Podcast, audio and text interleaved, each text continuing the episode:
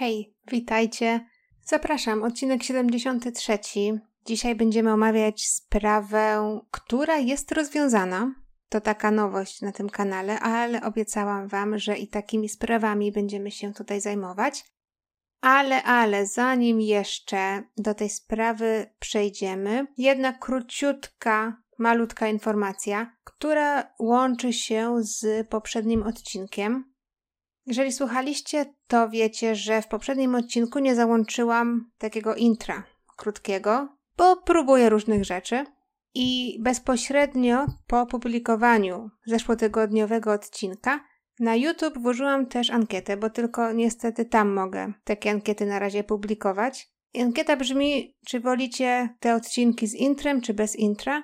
Będę Wam bardzo wdzięczna za to, za głos, po prostu za Wasz głos, bo jakby, cóż, no, ja mi się intro osobiście podoba, bardzo je lubię. Jest takim przerywnikiem pomiędzy gadką a prawdziwą historią, ale chcę też usłyszeć Was, więc jeżeli jeszcze macie okazję, jeżeli ta ankieta jeszcze jest, to zapraszam do głosowania. A teraz e, od razu przechodzimy do dzisiejszej historii.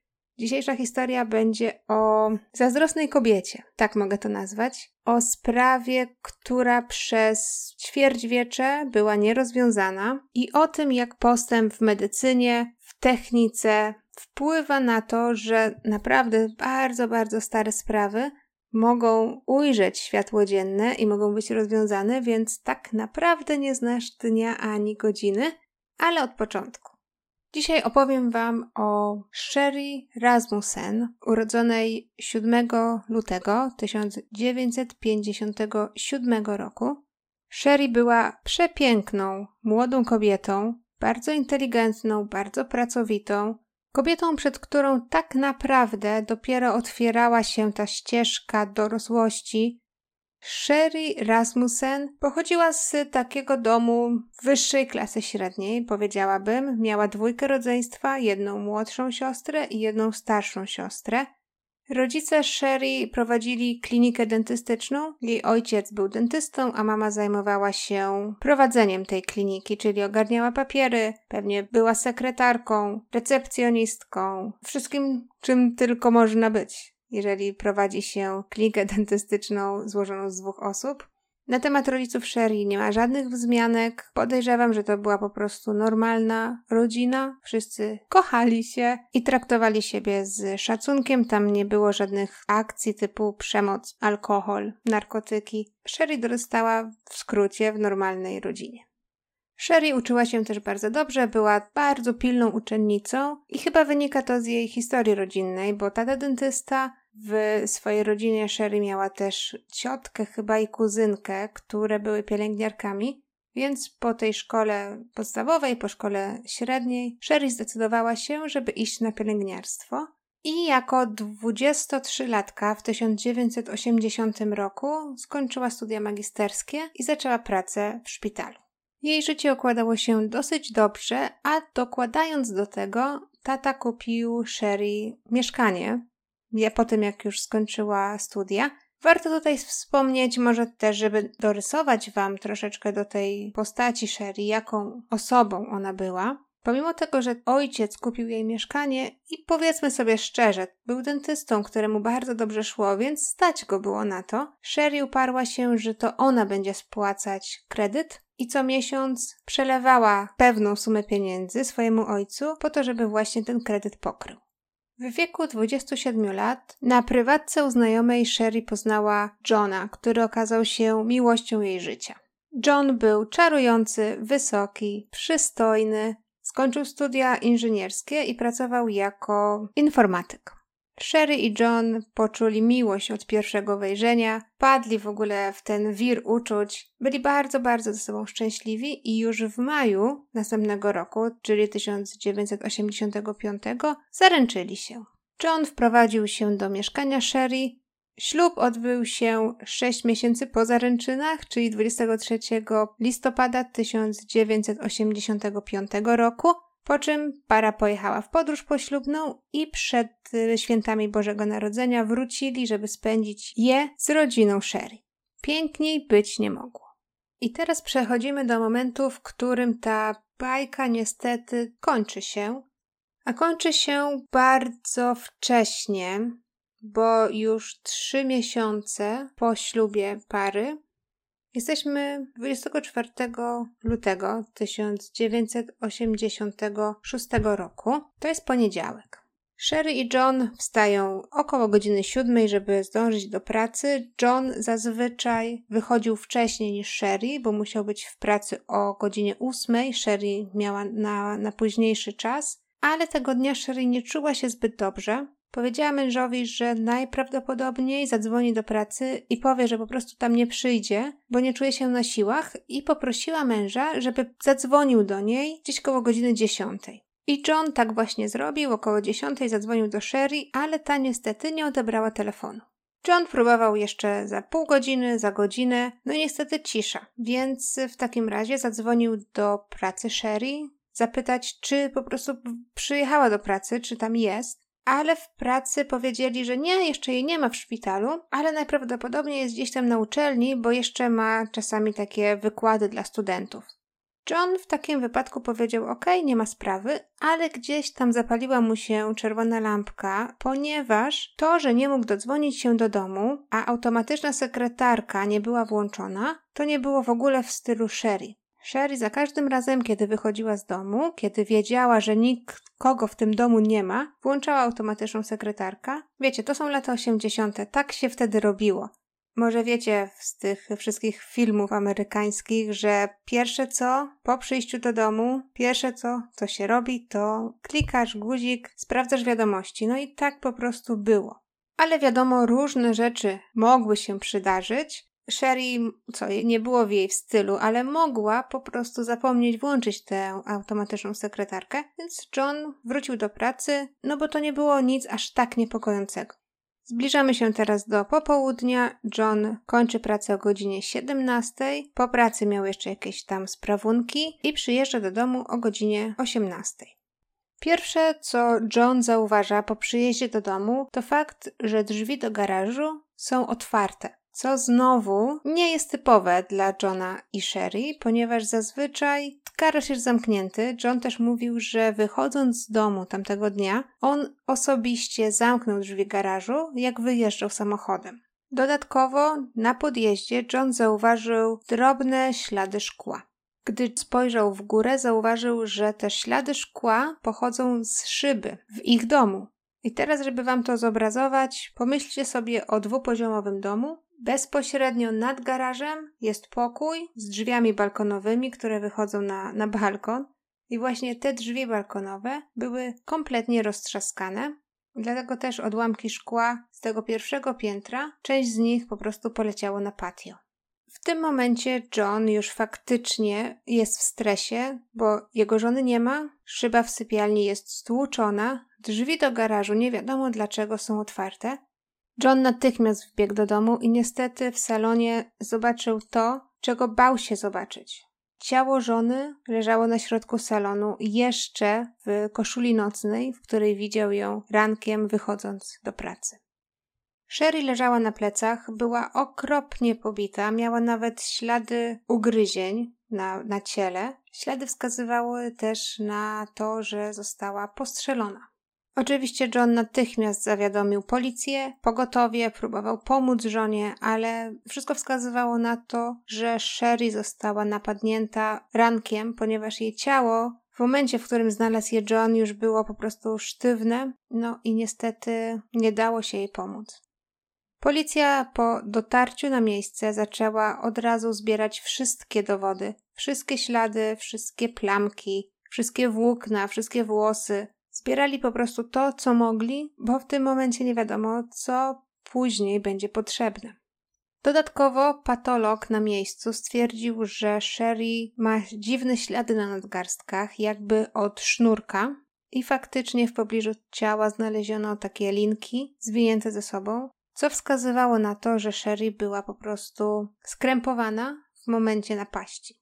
Dodatkowo policja znalazła ślady paznokci, co wskazywałoby na to, że Sherry próbowała się bronić z całych sił. Przyczyna śmierci bezpośrednia to trzykrotne strzały w klatkę piersiową.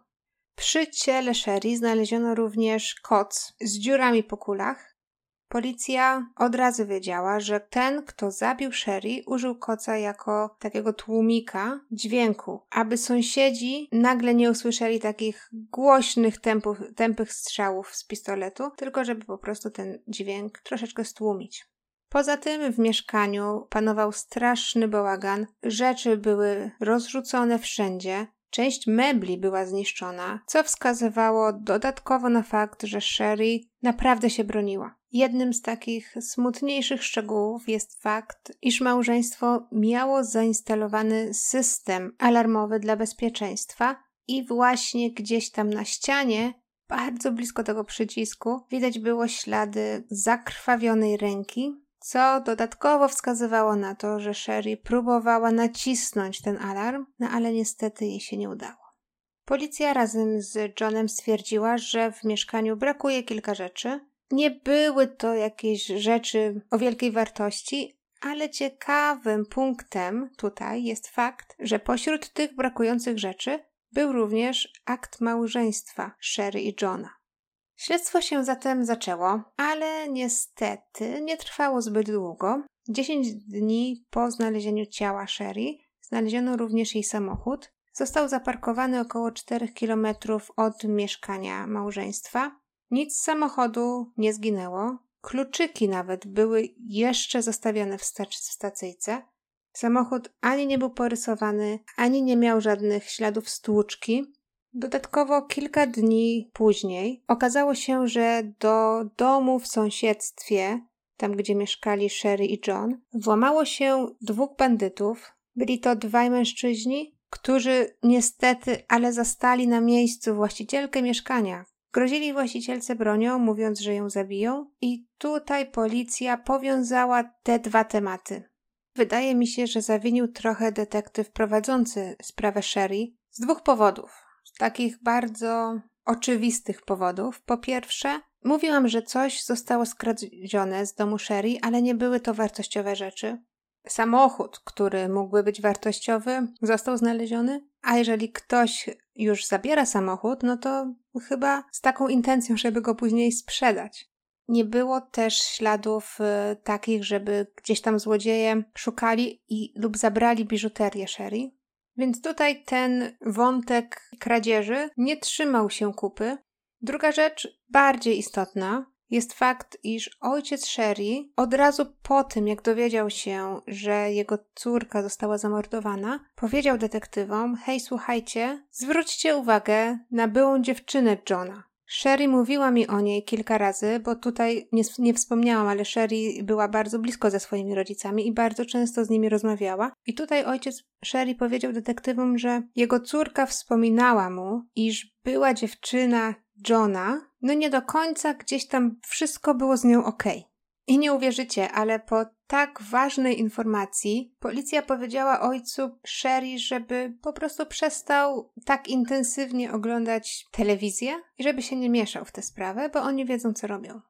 No i jeżeli już wspomniałam Wam o ex-dziewczynie, no to może coś jeszcze Wam o niej opowiem. Mówimy tutaj o Stephanie Lazarus. Stephanie urodziła się 4 maja 1960 roku. Poznała Johna na studiach. Oni chyba mieszkali gdzieś tam blisko siebie. Stephanie była takim typem osoby, która zawsze lubiła być gdzieś tam na zewnątrz, wśród ludzi. Bardzo dobrze radziła sobie również w sporcie. Jeśli chodzi o to, o tą relację pomiędzy Stephanie i Johnem, no to tutaj są dwie strony medalu. John traktował Stephanie jako taką kumpelę. Może nie do końca miał do niej taki stosunek miłosny, natomiast Stephanie zakochała się po uszy w Johnie. Poznała nawet jego rodzinę i z tego, co gdzieś tam przeczytałam, była nawet w dobrych relacjach z bodajże jego matką i z siostrą. Po studiach, no gdzieś tam troszeczkę ich życie się rozeszło, ale nadal spotykali się dwa, trzy razy w miesiącu, jeździli nawet czasami na wycieczki wspólne. No, można byłoby uznać ich relacje za związek, natomiast Stephanie faktycznie była jakby cała w tym związku. bardzo, naprawdę bardzo kochała Johna, a John z drugiej strony Wydaje mi się, że traktował Stefanię jako taką, a jest bo jest, na razie jest okay, ale to nie jest nic na serio. Po studiach Stefani wstąpiła do policji i kupiła mieszkanie. Do tego mieszkania pomógł jej się wprowadzić John razem ze swoim bratem. Także widzicie tutaj, no te relacje były takie nie do końca może jasne z obu stron. Z jednej strony jesteśmy razem, z drugiej strony no może nie. John w tamtym czasie spotykał też się z innymi dziewczynami, na przykład, czasami wracając do Stephanie, traktując ją tak na zasadzie friends with benefits. Nigdy natomiast nie myślał, żeby gdzieś tam zacząć poważniejszą rozmowę o statusie ich relacji. Nie wydawało mu się to ważne. Myślał, że oboje są na tym samym poziomie myślenia, w sensie, że po prostu są młodzi i się bawią.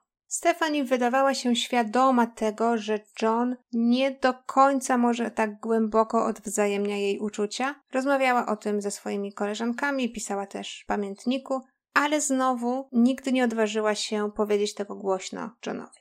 Z biegu wydarzeń, o których Wam już wcześniej opowiadałam, w momencie kiedy John spotkał Sherry, to była miłość od pierwszego wejrzenia, wielkie, wielkie uczucie. I w tym momencie wydaje mi się, że relacja John i Stephanie kompletnie się rozleciała.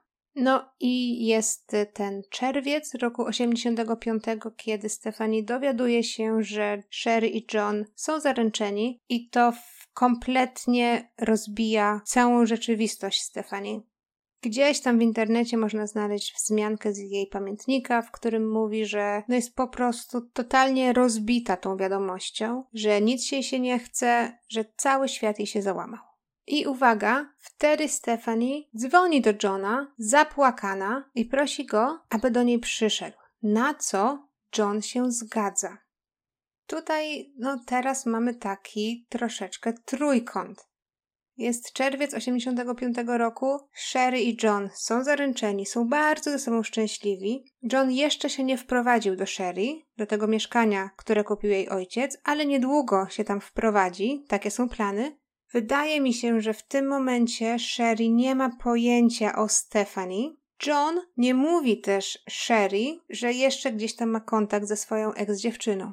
Mam nadzieję, że jeszcze dajecie radę nadążać za tym wątkiem, Okej, okay, ale wracając. John dociera do mieszkania Stephanie i Stephanie w końcu zbiera się na odwagę, żeby mu powiedzieć, jak bardzo go kocha. Mówi mu, że przez całe 7 lat go kochała, przez całe 7 lat, w trakcie których się znają. Darzyła go wielkim uczuciem i po prostu czuje, że nie może pozwolić, aby on się ożenił, nie wiedząc, że ona go kocha.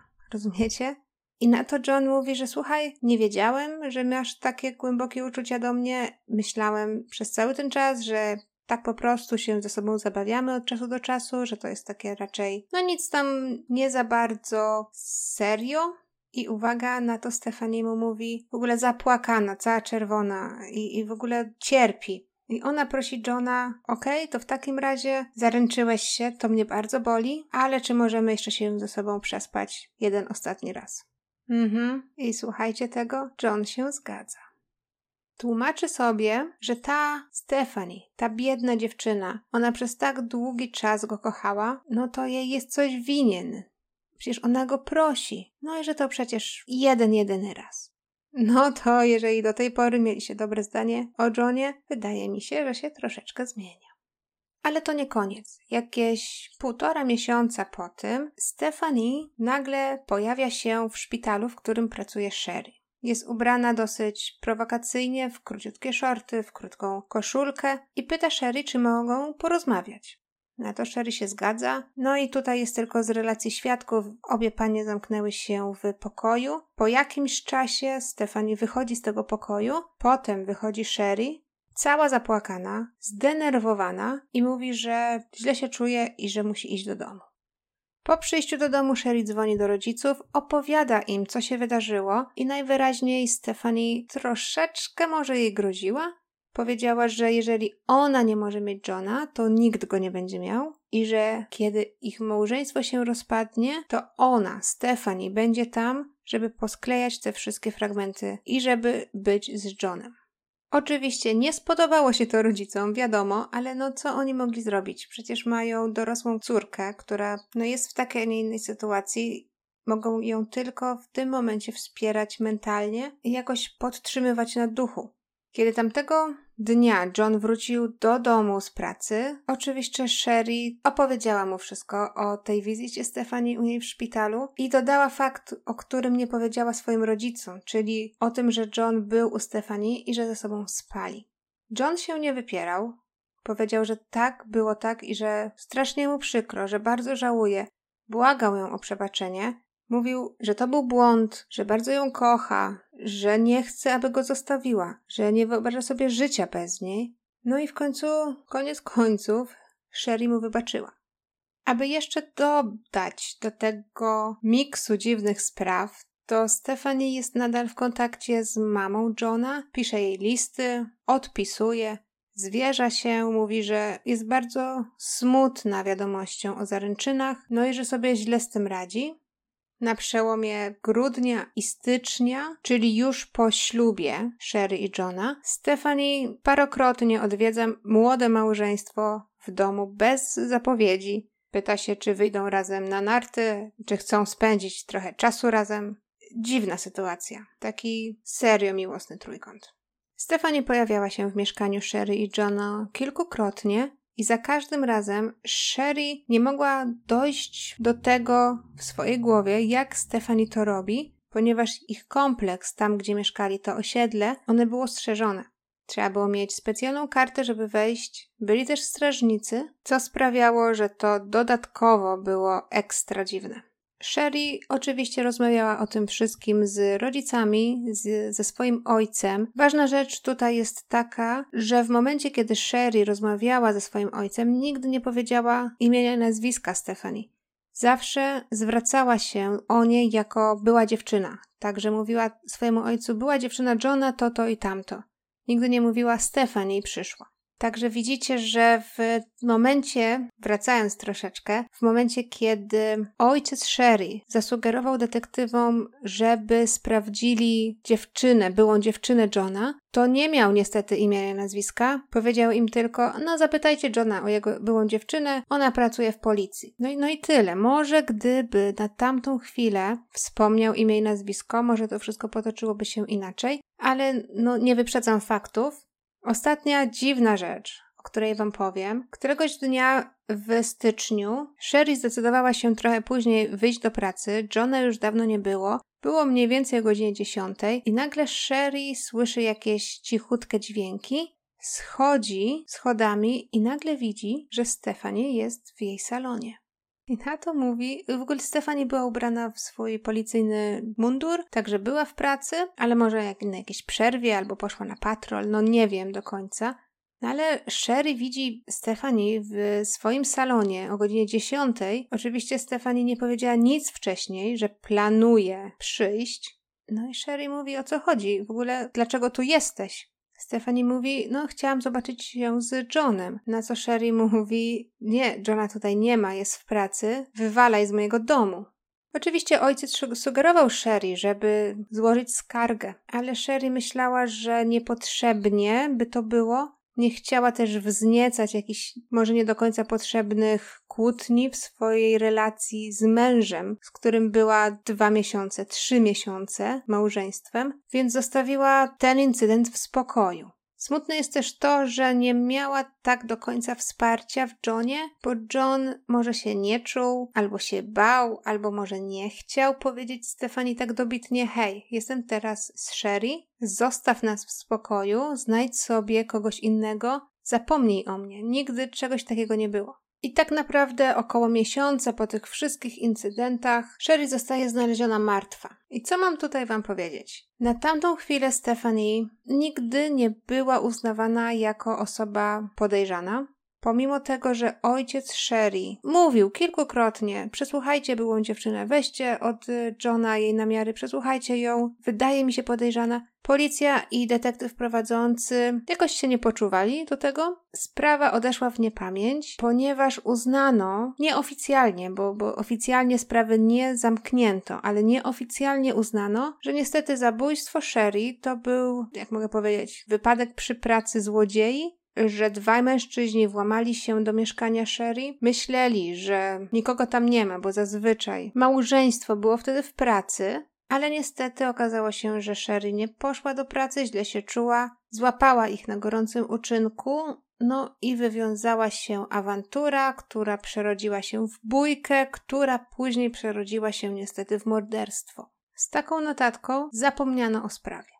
O sprawie natomiast nie zapomnieli rodzice Sherry, którzy non-stop co jakiś czas dzwonili na policję, pytając się o nowe dowody, pytając się o to, czy coś jeszcze zostało znalezione, czy mają jakichś podejrzanych. No ale lata mijały i niestety nic się nie działo. Aż do 1993 roku, czyli 6 lat po zabójstwie Sherry, Detektyw prowadzący sprawę poszedł na emeryturę. I to dało takie maleńkie światełko w tunelu rodzicom Sherry, bo detektyw, który prowadził sprawę od początku, nie do końca wywiązywał się ze swoich obowiązków i jakby postawił na sprawie Sherry Rasmussen taki gruby krzyżyk, mówiąc, że no to na pewno było włamanie i nieszczęśliwy wypadek przy pracy. Około roku 93 pojawiają się też e, nowe metody badania DNA, nowe techniki. Świat idzie do przodu. Wtedy też rodzice z Sherry dzwonią na policję i domagają się, aby spotkać nowego detektywa, który przejmuje sprawę ich córki.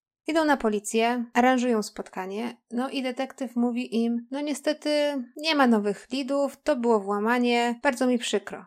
Tak, słyszałem o tych nowych technikach DNA, ale nie mamy funduszy, żeby za to zapłacić, żeby pokryć te koszty. Nie ma też podejrzanych, nie mamy DNA, aby porównać. To bez sensu. I na to ojciec Sherry mówi: Ej, słuchaj, koleś, ja za to zapłacę, po prostu zróbcie to, co do was należy. No, a nowy detektyw mówi: Nie, sorry, nic nie zrobimy. I na tę chwilę rodzice Sherry po prostu zostają odstawieni z kwitkiem, sprawa znowu trafia na półkę. W międzyczasie Stephanie i John znowu zaczynają się od czasu do czasu spotykać, jadą razem na wakacje, nigdy nie, były nie byli w jakimś tam formalnym związku, no ale gdzieś tam się spotykali. Do niczego to nie doprowadziło, tak naprawdę, bowiem, że w 1996 roku Stephanie wyszła za mąż za swojego kolegę z pracy, czyli też funkcjonariusza policji. John też się ponownie ożenił.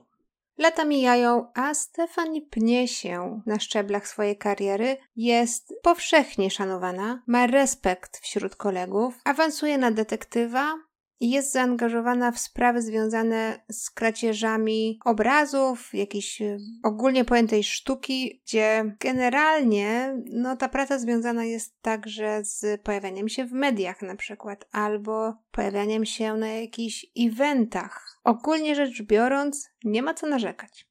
I teraz, uwaga, to co dzieje się w tle tych wszystkich wydarzeń, w trakcie trwania sprawy, to fakt, że w związku z tym, że badania DNA tak mocno już były zaawansowane, nowe techniki, nowe metody pojawiały się co roku, policja w Stanach Zjednoczonych podjęła decyzję, aby przyjrzeć się bliżej starym sprawom i aby przetestować nowymi technikami wszystkie ślady znalezione na miejscach zbrodni, z nadzieją, że może gdzieś tam pojawi się nowy dowód i tak właśnie stało się e, ze sprawą Sherry Rasmussen.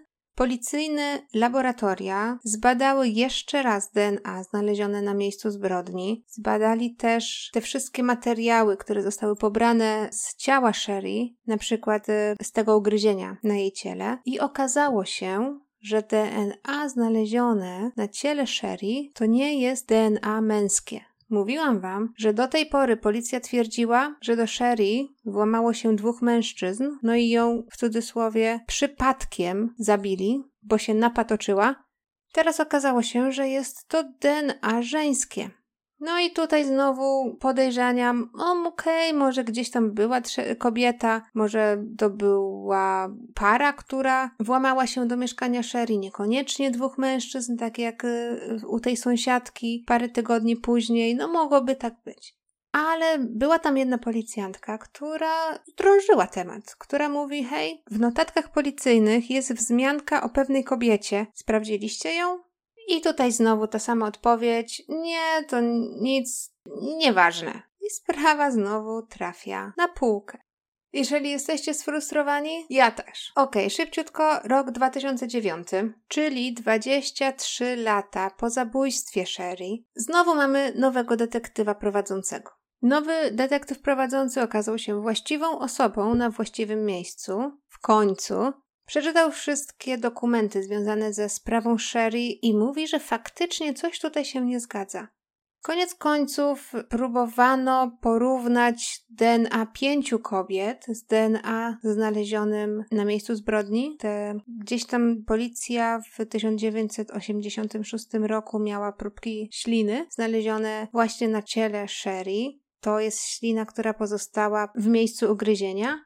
Spośród pięciu kobiet, które były podejrzane, została jedna. Była to Stefani Lazarus. I w tamtej chwili, no Stefani już jest y, osobą poważaną w środowisku, ma pracę na wysokim stanowisku, więc detektywi troszeczkę muszą działać pod przykrywką. Stefani też pracuje w tym samym biurze, w tym samym budynku co detektywi, więc no tu jest akcja jak z filmu Ocean's Eleven, że, że trzeba być naprawdę zorganizowanym, mieć dobry plan, nie zostawiać żadnych dokumentów na biurku, nie zostawiać żadnych testów, żadnych śladów, żadnych podejrzeń, bo wszystko może się wydać. Stefani, będąc tak długo policji, ma też swoje zaufane kontakty, które też mogą szepnąć kilka słówek do ucha. Więc sprawa jest undercover. Ale ślina nie była oczywiście jedynym dowodem, nad którym pracowali nowi detektywi. Kule, które znalezione są na miejscu zbrodni, pasowały do broni, którą w latach 80. mieli policjanci, także Stephanie. Mało tego, dwa tygodnie po zabójstwie Sherry, Stephanie zgłosiła zaginięcie torby. Ktoś jej ukradł niebieską torbę z samochodu. W tej torbie były jakieś ubrania, jakieś kasety i uwaga, broń. Ciekawe, nie? Jedyną rzeczą brakującą było DNA Stephanie. Pamiętacie, że Stefanie nigdy nie była uznana za osobę podejrzaną, także nigdy też nie poproszono ją o to, aby dała próbkę swojego DNA pojawia się nowy problem, więc detektywi znowu kombinują i dedykują jedną osobę, aby zawsze śledziła Stefani gdziekolwiek idzie. Mijają dni, a ta osoba śledzi Stefani i tak jak w filmach, szuka sposobności, aby zdobyć DNA Stefani, czyli patrzy, czy Stefani na przykład pije z kubka i czy ten kubek zostawia nieumyty w biurze. Jeżeli tak, to bierze, jeżeli nie, to nie. Szuka śladów włosów, no takie rzeczy. I okazuje się, że pewnego dnia Stefani poszła do sklepu ze swoją córką i tam piła sodę z puszki, którą później wyrzuciła do, do, do śmietnika. No i w taki sposób detektywi pobrali DNA Stefani i które, surprise, surprise, oczywiście, że pasowało do DNA znalezionego na miejscu zbrodni. Jak już detektywi mieli wszystkie niezbite dowody, zostało przesłuchanie. No i tutaj znowu trzeba było troszkę pokombinować. To nie było tak, że ją skuli w, w kajdanki i, i, wzięli do pokoju przesłuchań. Nie, nie. Um, po prostu jeden z detektywów poprosił Stephanie o to, aby zeszła do pokoju przesłuchań, bo jeden z zatrzymanych ma nowe informacje na temat prowadzonej przez nią sprawy. Procedury są takie, że przed pokojem przesłuchań wszyscy muszą, zgodnie z regulaminem, oddać broń i tak też uczyniła Stefani i po chwili weszła do pokoju. Jeżeli jesteście zainteresowani i znacie angielski, to całe przesłuchanie Stefani Lazarus jest na YouTubie, można je znaleźć. Trwa około godziny. Oczywiście Stefani zostaje aresztowana i oskarżona o zabójstwo Sherry Rasmussen. Stefani została skazana w 2012 roku za zabójstwo pierwszego stopnia. Kara więzienia była od 27 lat do dożywocia. W trakcie trwania procesu wyszły na jaw nieścisłości i niedociągnięcia w działaniu policji od samego początku przez, no tak naprawdę 23 lata Gdzieś tam były jakieś wzmianki o tym, że policja po prostu próbowała zataić pewne dowody, że ktoś tam może nawet podejrzewał Stefani o to, że mogłaby zabić Sherry, ale nie chciał do końca tego ujawnić. No, różne takie rzeczy. Koniec końców sprawiedliwości stało się zadość. To był dziwny trójkąt miłosny, biedna Sherry moim zdaniem, ponieważ no, John był nie do końca może tak idealnym facetem, na jakiego się kreował. Stephanie okazała się troszeczkę psychiczna, no a biedna Sherry była tym wszystkim, no nie ze swojej winy, może tak byśmy to nazwali, to wszystko, co mam w tej sprawie do powiedzenia. Dzięki za wysłuchanie do końca, dzięki za wszystkie komentarze. Jeżeli ta sprawa się Wam podobała, to jeżeli macie taką możliwość, to dajcie lajka lub zasubskrybujcie. Ja życzę Wam standardowo udanego dnia lub wspaniałego wieczoru, w zależności kiedy słuchacie tego odcinka. I cóż, do usłyszenia następnym razem. Buziaczki.